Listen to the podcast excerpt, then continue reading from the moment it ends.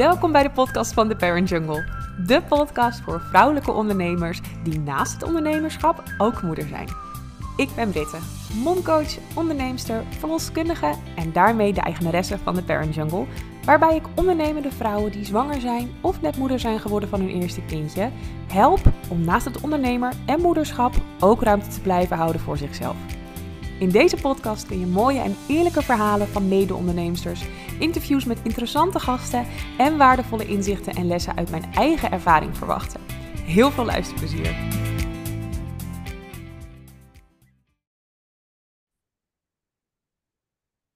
Welkom allemaal bij een nieuwe aflevering van de Parent Jungle. En ik zit vandaag weer met een hele inspirerende ondernemende moeder aan tafel. Uh, en dat is Arjana Harkoe. En Arjana is high-level accountability mentor en moeder. Uiteraard, anders zit ze natuurlijk niet in de podcast.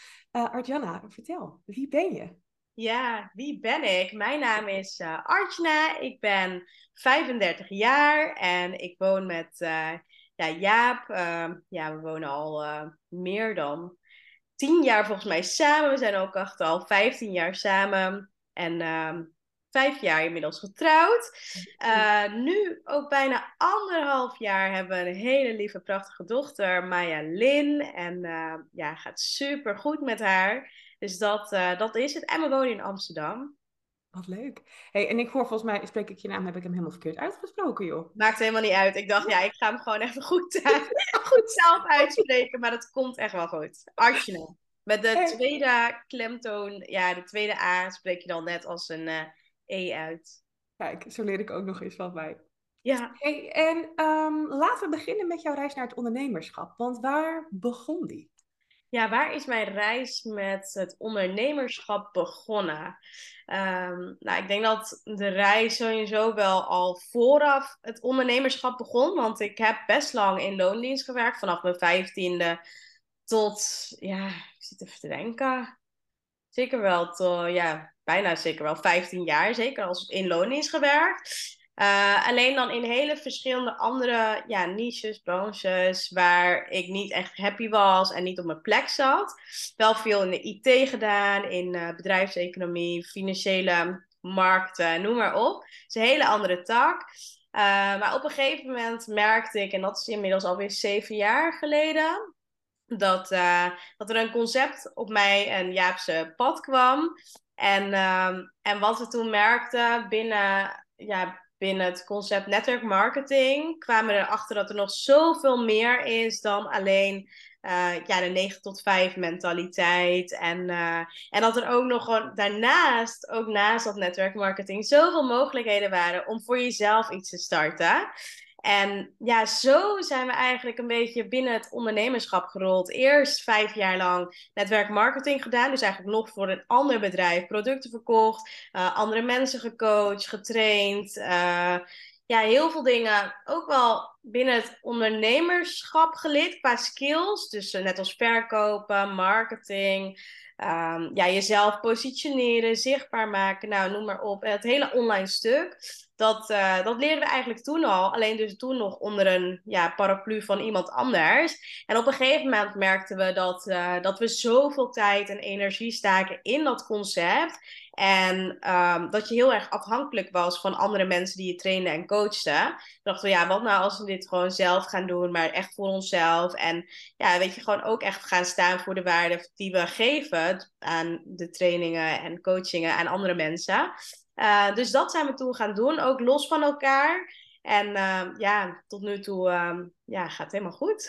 Ja, want ik, wat ik, ik hoor heel erg het woord we. Je hebt deze reis eigenlijk een beetje samen met je partner gedaan. Klopt, ja. Het begin wel, ja. Ja, ja, ja. Af. Ja, zeker. En dan ben ik even heel nieuwsgierig, want wat doet hij dan op dit moment? Ja, wat doet hij op dit moment? Hij, ja, hij houdt zich bezig met heel veel verschillende dingen. Um, hij helpt andere ondernemers voornamelijk met mindset. Maar weet business gerelateerd ook echt mega veel. Hij heeft heel veel bedrijven hiervoor. Ook voordat we samen gingen werken. Toen zat hij al in, uh, in het bedrijfsleven. En, um, ja, en daarna ja, is hij eigenlijk heel veel dingen gaan doen. Binnen de e-commerce dak helpt hij veel ondernemers die wel al uh, six figures draaien. Minimaal. En die dan naar seven figures of meer willen gaan. Uh, en die coach die dan, ja, business gerelateerd, maar ook, um, ja, maar ook gewoon heel veel met mindset. Hij heeft ook een boek geschreven, de Mindset Bijbel, die uh, volgens mij binnen nu en een paar weken echt uitkomt. Die echt gewoon verstuurd kan worden. En ja, wat heeft hij nog meer? Hij doet heel veel dingen in de e-commerce en uh, helpt daar echt jongens mee. En zelf heeft hij daar ook nog op de achtergrond allemaal dingen voor lopen. Dus heel, uh, heel veel. En ik ben gewoon eigenlijk, ik vind mezelf dan gewoon super simpel. Ik help gewoon vrouwelijke ondernemers. En uh, met hun bedrijf gewoon opschalen, verder doorgroeien. Die ook al een goed lopend bedrijf hebben. En uh, daarin help ik en ondersteun ik. En ik zit dan meer, toch wel meer op de tak marketing en sales. Dat vind ik veel leuker. Ik weet ook wel veel over de mind. Ik heb ook zelf een achtergrond in NLP, in de master en de practitioner. En um, ja, maar ik merk gewoon dat ik gewoon het marketingstuk, dat sowieso echt heel tof vind. En die consistentie erin en daarin uh, ondernemers helpen. Je stra straalt er vanaf als je het vertelt. Het is ja, echt leuk om te zien. Ik vind het ook echt leuk. Dan denk ik, ja, dit is echt wat ik leuk vind. dat is te ja. zien en te voelen. Ja, echt heel gaaf. Hey, en als we dan naar het moederschap gaan, waar is die reis voor jou begonnen? Ja, waar is die reis voor mij begonnen? Ik denk ook al veel eerder dan dat ik zwanger was. En uh, zeker veel eerder dus dan um, ja, anderhalf plus negen maanden ervoor. Ik denk dat het al een beetje begon uh, in mijn jongere jaren. Omdat ik zelf um, ja, niet een hele goede relatie heb gehad in het verleden met mijn moeder. En dat gaf mij toch wel heel veel eye-openers dat ik het heel anders wilde doen. En um, ja, zelf heb ik ook best wel wat dingen meegemaakt in het verleden, die best wel trauma gerelateerd zijn. Nee, toen ik op een gegeven moment bij een gedragstherapeut, ja, cognitieve gedragstherapie, het gedragstherapeut en ook wel een spirituele vrouw terecht kwam, toen kwamen we heel erg achter dat ik heel veel dingen opnieuw moest programmeren vanuit mijn opvoeding en vanuit uh, ja, de rol die ik heb gehad, of ja, de rol met mijn moeder, de band die ik heb gehad op dat vlak.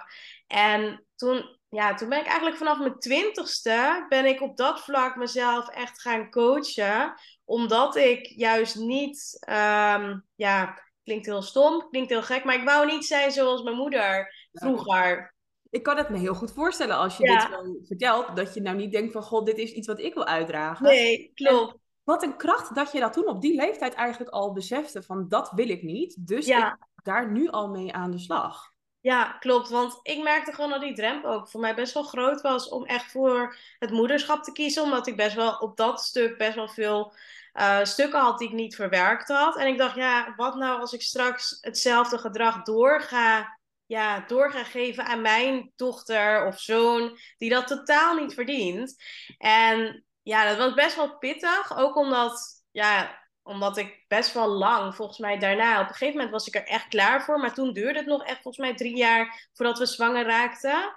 Dus dat, dat, dat duurde allemaal zo lang. Dus eigenlijk vanaf mijn twintigste tot het moment dat ik een beetje zwanger uh, raakte, ben ik er altijd wel mentaal mijn hoofd mee bezig geweest. Wat een reis, joh. Ja, Denk je daar nu nog wel eens aan terug, nu je eenmaal anderhalf ja, jaar... Ja, ja, vooral omdat ik gewoon merk dat ik zo geduldig ben. Ik ben gewoon veel geduldiger bijvoorbeeld dan mijn man. En hij is ook echt mega geduldig. Maar ik merk echt dat ik gewoon zo makkelijk met dingen om kan gaan. En um, ja, eigenlijk gewoon dat. Dat het gewoon allemaal veel makkelijker gaat dan ik ooit had kunnen voorstellen. En dan, dan dat hij zich ook had kunnen voorstellen. Want hij had echt niet verwacht dat ik zo ja, en zorgzaam uh, ben en zo liefdevol. En dat ben ik natuurlijk wel ook in het algemeen, maar gewoon in die mate had hij niet verwacht. Wauw joh, nou oké, we gaan daar nog op terugkomen, maar heel tof. Ja. En toen was je eenmaal zwanger. Hoe was dat? Ja, toen was ik eenmaal zwanger. Jeetje. Ik kan me het moment nog herinneren dat we het al een tijdje probeerden. En tegelijkertijd dat we het in die periode een beetje hadden losgelaten. Omdat het een half jaar niet lukte. Toen we er echt gewoon gefocust mee. En dan bedoel ik met, um, ja, met zo'n Daisy-apparaat. Ik denk dat je het misschien wel kent. En dat, uh, dat je dan toch wel een soort van controleachtig het probeert te doen. In die ja, momenten dat je vruchtbaar bent. En dan ja, keer op keer die teleurstelling dat je toch weer ongesteld bent. En toen in de zomer, toen hadden we besloten van, nou weet je wat, laat het maar zitten, we gaan het nu loslaten. Maar tegelijkertijd begon ik wel foliumzuur, dat weet ik nog wel. Ik begon foliumzuur volgens mij te slikken vanaf de zomer. En toen net na de zomer, volgens mij waren we op Ibiza. En we denken dat we daar zwanger zijn geraakt. Maar toen, ehm, toen hadden we het eigenlijk al losgelaten. En ik weet dat mijn man volgens mij een paar dagen van huis was. En toen zag ik dat Daisy-apparaatje alle kleuren van de regenboog aangeven. En toen dacht ik, wow, dit heb ik nog nooit gezien. Ik heb wel eens andere kleurtjes gezien. Dus het was helemaal nieuw. En ik dacht, oh, wat zal het dan zijn? En toen, uh, stuurde ik dus dat, dat, uh, ja, dat filmpje naar mijn man. Van wow, kijk wat ik hier zie. Allemaal kleurtjes. Ik weet niet wat het betekent. Maar weet je wat? Om de teleurstelling te voorkomen, laat het maar even voor wat het is. En als je terug bent over, uh, ja, over volgens mij de volgende dag. Dan, dan gaan we het wel in het weekend doen. Ik wacht nog even rustig af. Want ja, het is zo vaak gebleken dat het niet het geval was. Dus toen, uh, ja, dat weekend, ik had wel alvast al ja, zwangerschaptesten gekocht. En uh, ik dacht, nou weet je, ik wacht gewoon tot zaterdag. Anders is ook een beetje zonde van die test. ja, we moeten hem weer weggooien. Echt zo prachtig. Fair enough, ja. ja. En toen, uh, toen deden we het dus die zaterdag, had ik getest. En toen dacht ik, jeetje, wow, ik ben gewoon zwanger. En toen kon ik het ook nog steeds niet geloven. Dus ik heb de volgende dag weer getest. En toen dacht ik, wow, nu zit er echt een babytje al in. Ja, tenminste, die hele voorstelling dat je meteen een babytje in je buik hebt. Tuurlijk, tuurlijk. Zo'n heel klein dingetje is. Maar toen dacht ik, wow, dat is wel heel magisch. En uh, ja, vanaf dat moment ja, merkte ik wel dat ik het echt allemaal heel leuk vond. Totdat ik een beetje de verschijnselen begon te merken. Dat ik zo moe in één keer was. Terwijl ik nog nooit daarvoor echt heel moe was geweest. Dus dat vond ik echt zo'n omslagpunt. Dat ik echt van, wow dit is wel heel anders. Stel je voor dat ik nooit meer mijn oude energie terugkrijg. Dan moet ik wel heel veel dingen veranderen in mijn business. Ja, want over je business gesproken, hoe ben je daarmee omgegaan? Want die vermoeidheid kan echt killing zijn. Ja, echt niet tot op het bot. Die was wel heel erg killing. Ik weet dat ik het... Uh, ja, ik, we waren zo enthousiast. Dus we hadden het aan ja, de ouders en de familie echt de naasten hadden het echt volgens mij nadat we de eerste echo hadden, of net, volgens mij net ervoor nog, volgens mij vijf, zes weken. Toen, um, toen had het sowieso gedeeld aan de mensen die dichtbij ons waren. En um, ja, mijn klanten die wisten er helemaal niks nog van. En ik deed heel veel, en ik doe nog steeds heel veel één op één coaching. Dus het was heel, heel anders. Maar ik weet dat een paar klanten die zeiden toen tegen mij hey, gaat het een beetje? Ben je een beetje ziek of zo? En dat, dat kun je natuurlijk zien door dat scherm. Je kan het natuurlijk zien door het scherm heen. Toen dacht ik, ja, nee, ik ben een beetje moe. Toen dacht ik, shit, volgens mij heeft ze het ontdekt. maar dat kon je natuurlijk niet zeggen. Het. Ja, ze weten het allemaal. Maar wat ik vooral merkte, en dat, uh, ja, dat is wel één ding waar, waar ik nu wel echt bewuster gewoon veel beter mee omga, is dat ik voordat ik um, zwanger raakte, dus eigenlijk had ik niet het idee dat ik zwanger zou raken, had ik echt een aantal jaartrajecten gekocht. En ja, normaal gesproken maak je dat natuurlijk af. Alleen omdat ik dus tussendoor nu dan zwanger raakte, zou ik ook eerder stoppen. Dus ik heb wel bij, bijvoorbeeld bij een aantal trajecten toen um, ja, voor een gedeelte dat geld dan weer terug moeten geven. En, um, ja, en dus eerder moeten stoppen met dat traject. En sommigen gingen dan wel weer door. Maar ja, sommigen wouden ook weer wat anders doen. Omdat ze niet die, ja, die gat die ik voor mezelf natuurlijk had bedacht. Van nou, ik ga een half jaar met verlof.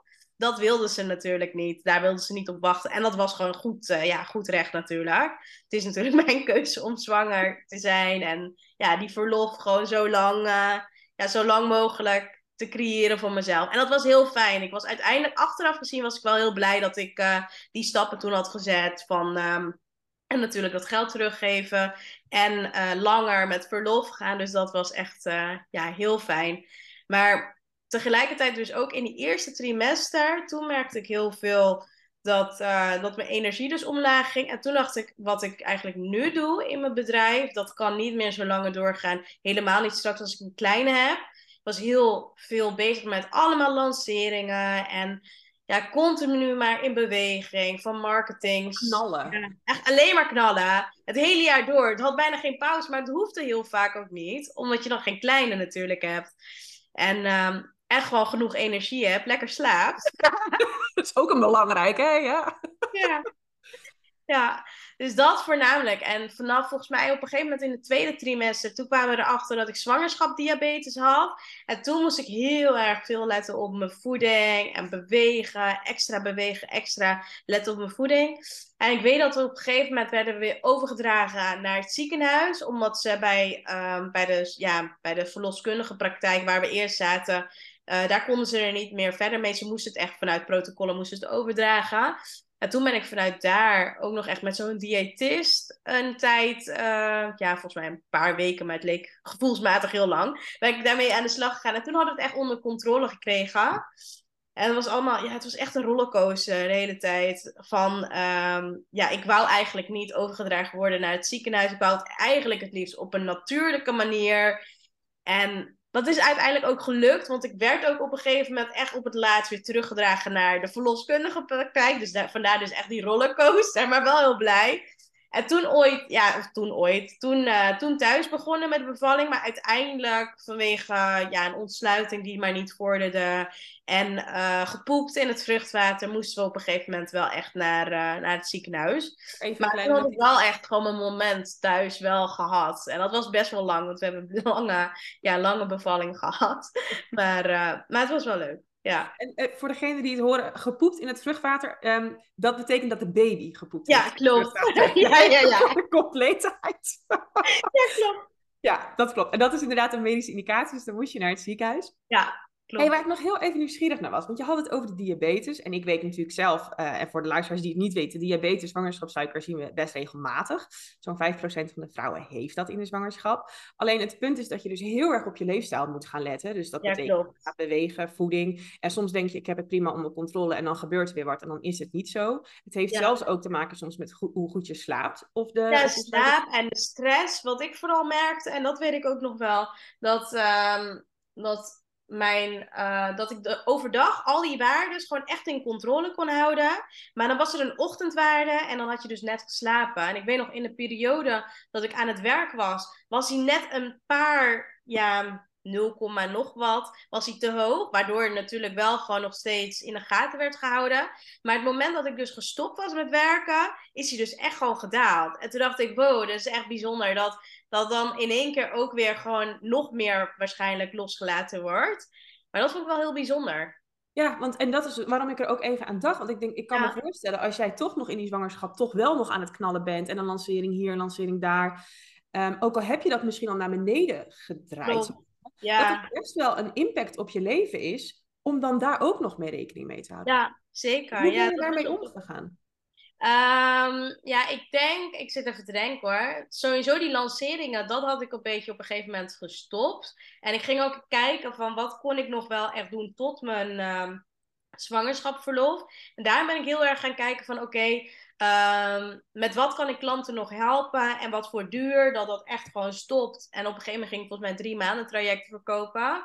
Om ze dus toch nog te kunnen helpen tot mijn verlof. Of bijvoorbeeld van die VIP-dagen. Dus dat je echt één dag uh, aan je bedrijf zit en dan verder gewoon door kunt pakken zelf. Dat heb ik gedaan.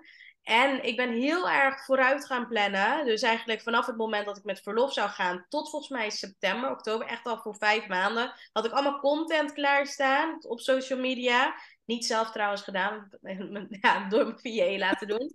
Lekker. Ja, alsof ik alles zelf heb gedaan.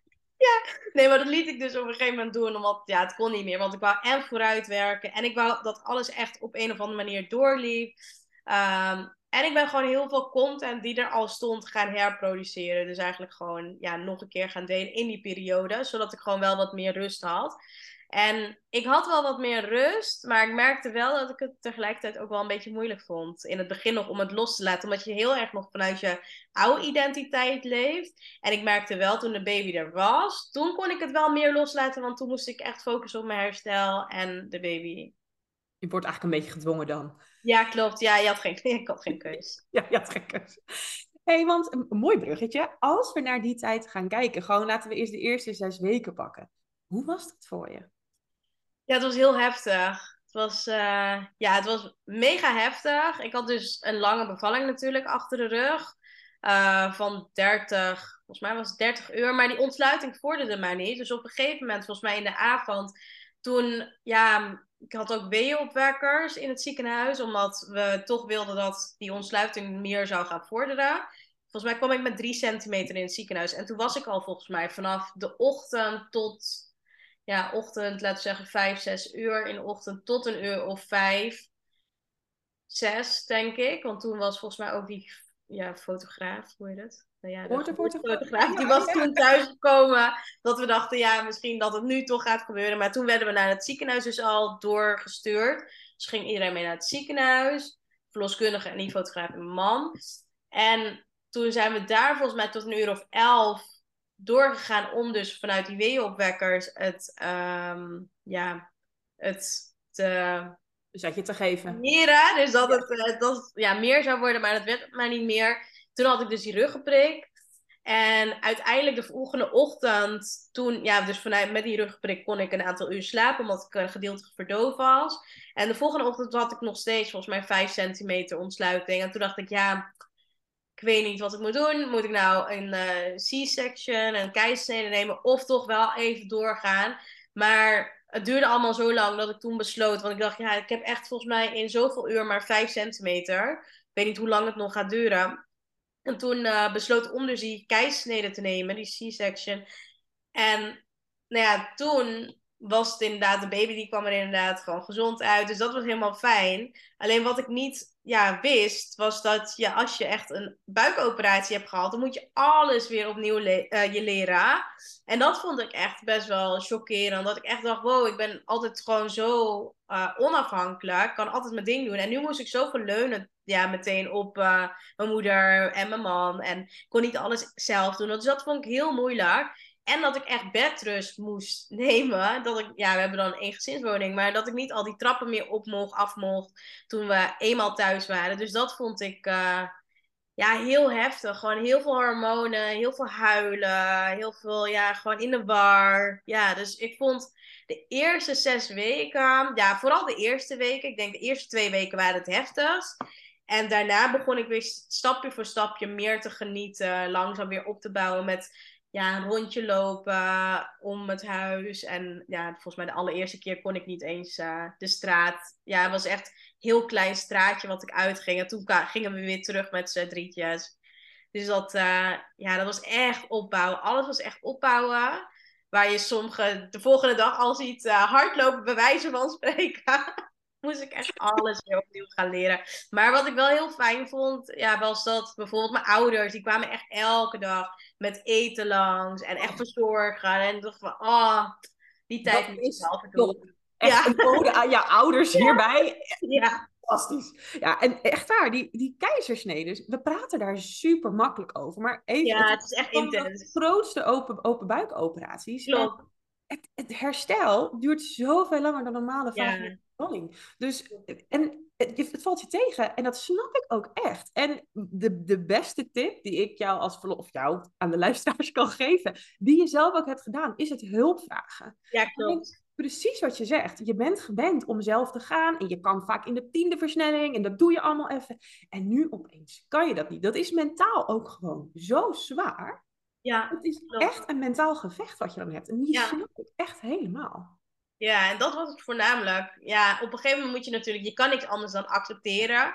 Dat je lichaam gewoon in het begin helemaal niet meer meewerkt. Maar vooral echt die mentale, ja, mentale blokkades die ik continu had. Vooral ook in het ziekenhuis. Dat je dan de volgende dag eigenlijk al wordt gezegd van... Hè, probeer op je benen te staan. We gaan naar de wc toe. denk van, nou, dat lukt helemaal niet. En dan denk je, hé, hoe kan het nou mij niet lukken? Ze willen dit toch van me zien. Hoe kan het dan niet? Nou ja, weet je. Dan, ja, dus dat uh, was allemaal best wel pittig. Ja. Hoe ben je daar nou echt, wat heeft je geholpen om daar goed mee om te gaan?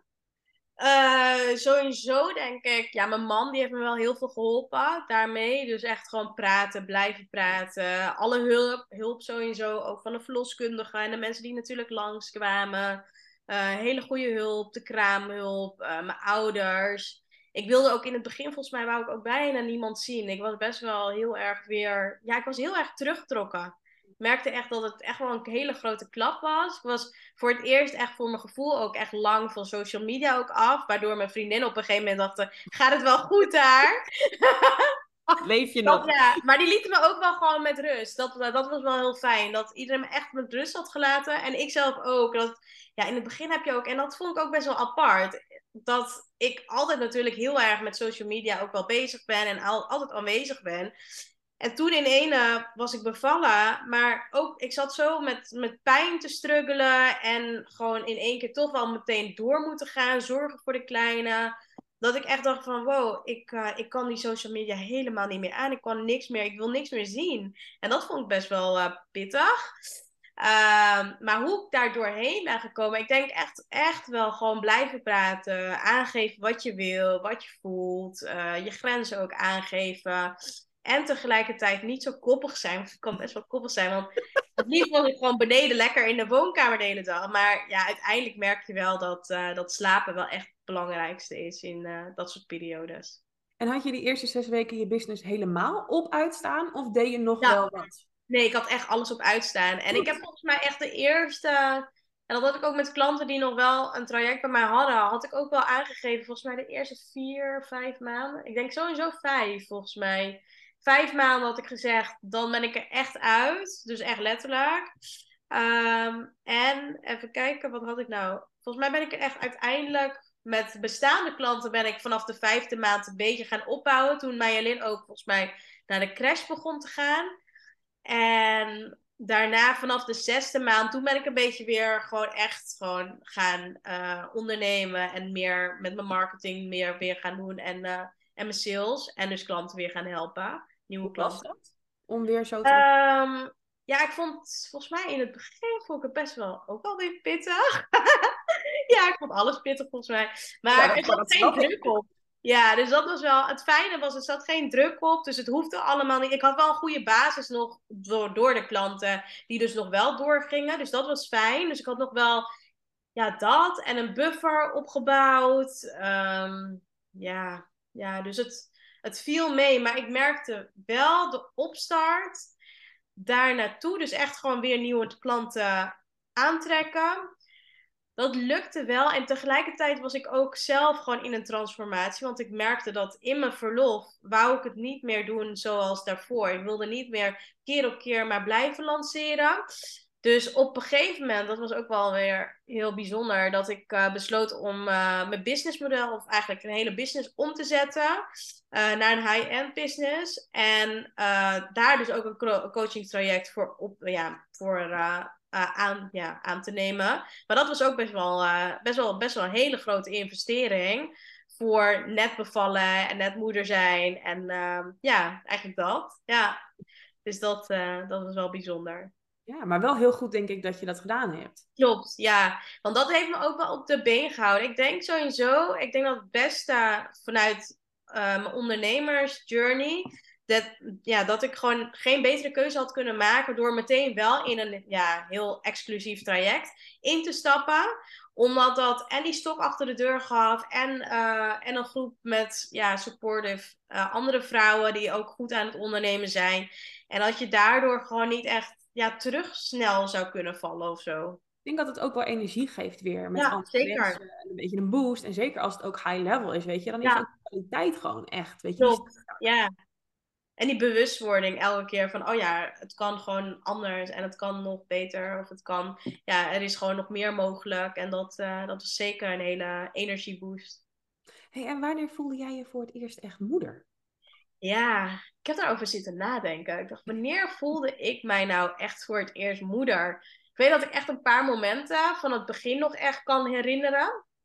Dat uh, eerste moment waar ik eerst aan dacht, was uh, het moment dat we volgens mij thuis waren. En volgens mij hadden we de eerste nacht thuis geslapen. En toen dacht ik, we hebben nu echt een kleintje. Wat nou als er ooit iets met mij gebeurt? Dan, uh, ja, dat vond ik heel pijnlijk. Dat was best wel emotioneel. Dat ik dacht, oh, dan dan laat ik echt zo'n kleintje hierachter. Dat, dat kan gewoon echt niet. Maar ik denk de eerste moment toen ze aangelegd werd, dat was ook wel een beetje het eerste moment dat we elkaar ook echt wat langer zagen. Want tijdens die C-section was, was volgens mij, ze werd, ja, ze werd laten zien door zo'n scherm.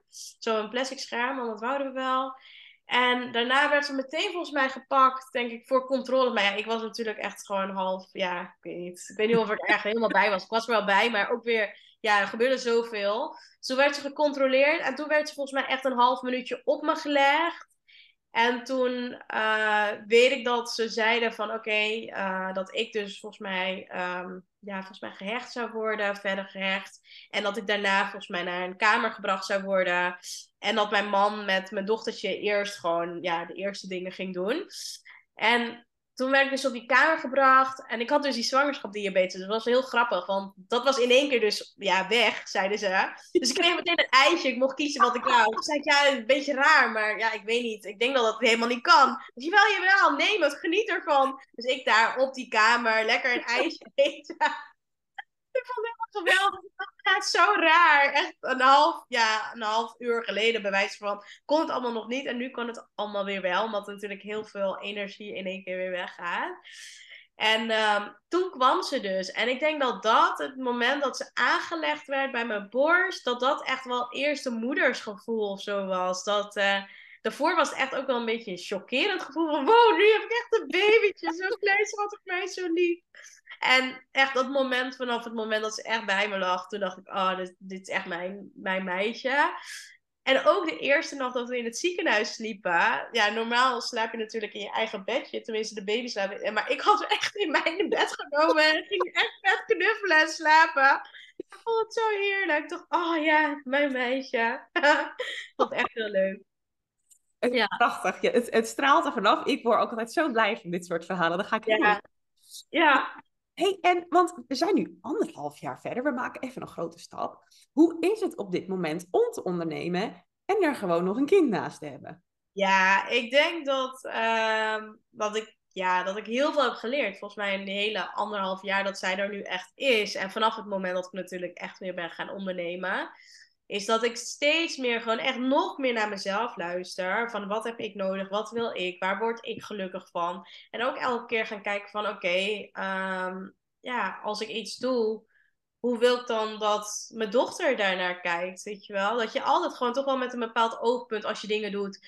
Um, ja, dat je toch je dochter, of ja, je, ja, vooral echt je dochter ook in je achterhoofd hebt van geef het juiste voorbeeld. Is dat hoe je ja, wilt overkomen? Dat vooral.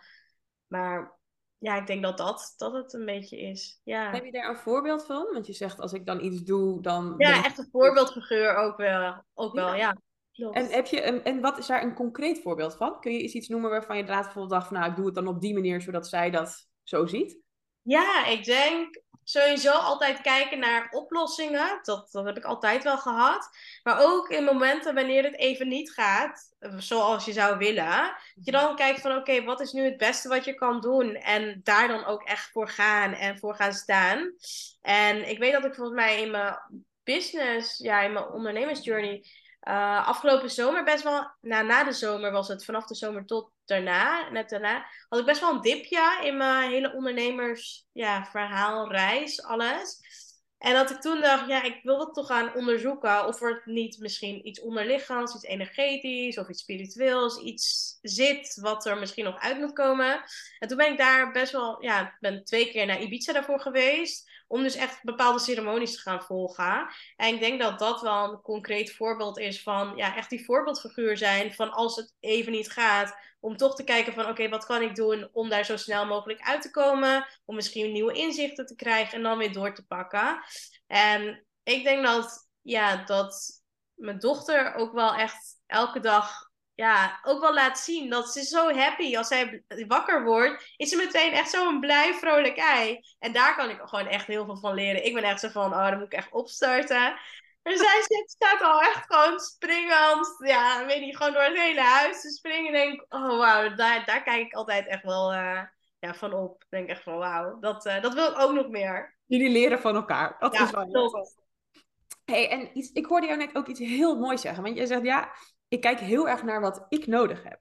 Ja, en uh, ik heb natuurlijk, ik volg jou ook via Instagram. En uh, ik zag ook op een gegeven moment een post voorbij komen. En dat vond ik zo tof. Toen schreef jij: Ik zet mezelf op nummer 1. En ik hoor dat heel veel moeders niet doen. En wat ik daar dan bij zie, is dat meestal het kind en het gezin op nummer 1 staan. En ze zichzelf wegcijferen. Waarom doe jij dat anders? Ja, nou, wat ik gemerkt heb, ik denk ook wel een beetje een voorbeeld van wat ik thuis heb gezien, dat, dat ik het juist niet zo wou hebben.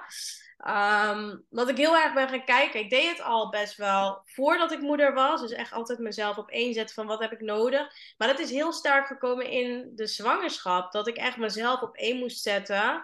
Om natuurlijk gewoon de zorg te kunnen dragen of de baby gewoon nog beter te kunnen laten groeien en in gezondheid.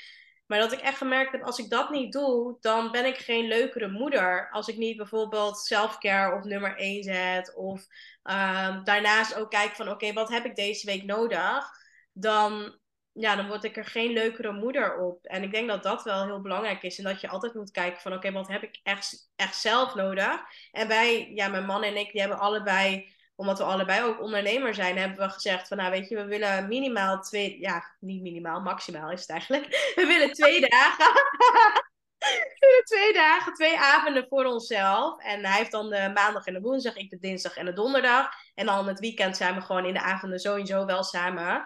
En dan uh, mag je gewoon zelf bepalen op die avonden wat je nodig hebt. Dus soms is dat inderdaad iets misschien op voor business doen. Soms is dat met een vriendin afspreken. Soms is dat bijvoorbeeld zelf, weet je, gewoon uh, iets voor jezelf. Of soms is dat gewoon, ja, en ik heb die behoefte wel heel vaak. Dan denk ik, ja, gewoon lekker hangen met mijn man op de bank. Dat heb ik dan ook af en toe gewoon extra veel nodig. Dus dan doen we dat ook wel eens gewoon op mijn momenten. En dan denk ik, ja, als jij maar gewoon de avond dan doet en dan mij alleen op bed zet, dan heb ik gewoon even wat meer rust. En ja, zo pakken wij dat dan aan. En de ene keer heb ik dan bijvoorbeeld een afspraak met een vriendinnetje. De andere keer denk ik, oh ja, ik plan gewoon even een massage in deze week. Of ik plan iets anders in. En dan, uh, ja, dat werkt voor ons gewoon heel fijn. En, uh, en daardoor voel ik ook elke keer van, oh ja, ik zet mezelf op nummer één. Ja, precies. Dus eigenlijk gewoon door die dag gewoon te pakken. Ja, klopt. Of max twee dagen dan. Ja, ja, ja. ja. Eén of twee dagen. Ja. en lukt het ook wel eens niet? Um, ja, als ik hier blijf hangen, dat is dus de valkuil. Uh, het lukt gewoon heel goed op het moment dat ik hier weg ben. Dus als ik gewoon zeg, nou oké, okay, ik uh, net als morgen, nou dan ga ik met een vriendinnetje ga ik wat eten.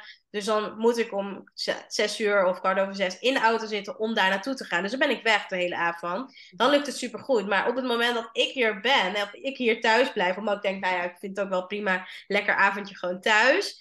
Dan heeft mijn, voor, ja, mijn dochter af en toe wel een beetje voorkeur dat ik haar dan naar bed breng en ik dan nog even ja, alles doe. en dan, ja, dan, uh, dan werkt het niet. Maar ja, dat vind ik ook wel prima, want ik kan er ook heel erg van genieten om even bij haar te zijn en uh, lekker te knuffelen voordat ze gaat slapen. Ik denk, nou ja, dat, uh, dat is helemaal prima. En dat mag ook, hè? Ik bedoel, het hoeft ook niet altijd. ja, nee, maar wat gaaf. Hey, ja. en, um, want heb jij nog slapeloze nachten of gebroken nachten? Uh, nou ja, best wel. ik denk dat, uh, dat we meer gebroken nachten hebben dan, uh, ja, dan dat we ze echt kunnen tellen dat die nachten helemaal goed zijn. De nachten sowieso, die, die ehm, vanuit de crash. Dus als ze naar de crash is geweest, naar de kinderopvang, dan eh, zijn ze sowieso veel beter vaak. Dan als ze gewoon hier thuis gewoon een hele dag heeft gespeeld en alles dan uh, merken we wel vaak dat er meer onderbrekingen zijn. Of in de nacht, of dat er iets is, of dat als ze een uh, vieze luier heeft, dat ze dan ja, na het verschonen toch niet meer in de eigen bedje wil. En dan toch eigenlijk weer in bed bij ons. Dus dat, dat hebben we heel veel. En dat ik ook wel merk dat ze, ik weet niet of je dat kent, maar ze knijpt heel veel. Dus um, ja, knijpen om in slaap te vallen. Dat is een beetje haar tik. En ja, ik merk heel vaak dat als ze dat dan doet, dat ze daardoor zelf niet in slaap valt of niet slaapt. En, um, en dat ze dat dan nodig heeft om in slaap te vallen. Dus vannacht ook weer. Dan dacht ze in bed en dan was ze dat dus aan het doen. En 9 van de 10 keer wil ze ook dan dat ik alleen met haar slaap. Dus dat mijn man dan mee naar zolder gaat. Dus dat, ja, dat hebben we dus heel vaak. nog. Ga dan overdag mee om? Want dan ben je kapot. Je hebt nog een gigantisch bedrijf te runnen. Hoe doe je ja, hoe doe ik dat? Nou ja, ik ben dus heel erg, ja, af en toe ook wel een beetje misschien iets egoïstischer. Ik hoop dat mijn man niet luistert. maar ik vraag gewoon, ja, of tenminste, we hebben de afspraak dan, dat als ik dan een beetje toch zo die nacht doe, dat hij haar uh, naar de kinderopvang uh, brengt. En ook wel een beetje de ochtend doet, waardoor ik gewoon een beetje langzaam kan opstarten. En ik merk dat het langzaam opstarten bij mij gewoon heel veel ja, goeds doet. Maar ja, dan heeft hij dus eigenlijk de ochtend. Maar dat heeft hij dus heel vaak. En ja, dat komt ook wel omdat als ik met haar ben, natuurlijk ook wel wat meer doe. Omdat die voorkeurspositie, heel vaak ja, naar mij toe gaat. En dan denk ik, ja, ik kan wel heel veel doen, maar dan wil ik wel dat jij dit en dit doet. Dus ja, langzaam opstarten. Ook echt kijken van, oké, wat heb ik op de dag nodig? Uh, gezond eten. Ja, soms ook op mijn mama-dagen. Ik heb er ook twee door de week. Uh, twee mama-dagen. Om dan ook met haar mee te slapen als zij slaapt. Dat, ja, dus dat ik echt bijslaap. Of... Uh, op dagen dat ze niet bij me is, echt mediteren tussendoor. Ja, tien minuten dingetjes. En dan, dat helpt. Helpt een beetje die kleine dingen die dan net ervoor zorgen dat je het wat beter pakt, trekt allemaal. Die energie gewoon wat meer weer voelt. Klopt. Ja. Wat ben je daar bewust mee bezig? Wat goed joh. Ja, zeker. Ja, je moet ook wel, denk ik, op een gegeven moment. Ja. ja, als je echt gewoon merkt van, oh, dit, uh, dit is wel heel pittig. Ja, dan, dan kan je ook niet anders. hey, en als je nou terugkijkt op nou, het afgelopen anderhalf jaar, wat is nu de grootste les die jij geleerd hebt als moeder? Ja, uh, ik denk dat ik de meeste ook wel een beetje heb opgenoemd. Maar ik denk toch wel jezelf op één zetten, je grenzen aangeven. Echt, uh, echt kiezen voor jezelf. Uh, tegelijkertijd ook echt voor je waarden staan. Dat echt business-wise. Maar ik denk echt die grenzen aangeven en jezelf op één zetten. Want als je jezelf op één zet, dan ja, werkt dat ook gewoon heel goed voor de rest van ja, voor je omgeving mee. Het zinkt door. Dat ben ja. ik en ik kan nog even een vraag, want die grenzen aangeven, Vind je dat moeilijk? Nee. Nee, ik wil net zeggen, want dit klinkt echt alsof je dat heel natuurlijk doet, maar ook dat je heel goed weet waar je grenzen liggen. Ja, zeker. Hoe ben je erachter gekomen? Ja, ik denk ook wel door, ehm, door juist, hoe heet dat? Uh, juist gewoon daarin weer juist niet heel veel je grenzen aan te geven. Dat je eigenlijk gewoon te vaak misschien doorging of te vaak anderen pleasten. En daar dus zo bewust van werd. Waardoor ik dus echt gewoon nu weet, die, door die bewustwording, weet van, oh ja, dit, ja, dit gaat gewoon echt mijn grens over. Of dit, ja, dit moet ik niet doen. Of dan loop ik mezelf over. Om dat gewoon van tevoren meteen al aan te geven. Van nou, dit is goed hoe het gaat. Of dit is hoe ik het wil. Dus eigenlijk eerst de grens overgaan. Er bewust van zijn. En er dan ja. gewoon, gewoon heel serieus. Ja. Heel tof. Artjana, ik wil jou onwijs bedanken. Want... Ja, ik vond het zo leuk, Britta. Ja, echt gezellig. en wat een verhaal heb je te vertellen. Ik vond het echt heel erg, uh, erg gaaf. Ook heel erg eerlijk.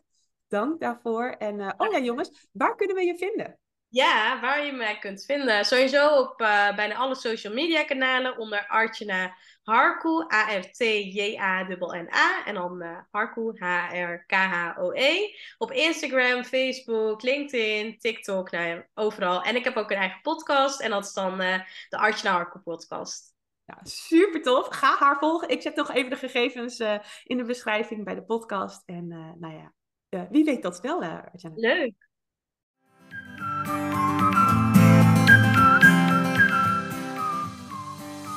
Bedankt voor het luisteren naar deze aflevering. Ik ben natuurlijk heel benieuwd hoe je het vond, dus laat vooral een reactie of een review achter. Daar help je mij mee, maar ook andere zwangeren of moeders die op zoek zijn naar een interessante podcast. En wil jij nou ook weer meer ruimte voor jezelf naast het zijn van ondernemer en moeder? Dan ben ik er ook voor jou. Kijk even op www.theparentjungle.nl of volg mij via Instagram theparentjungle. Tot dan!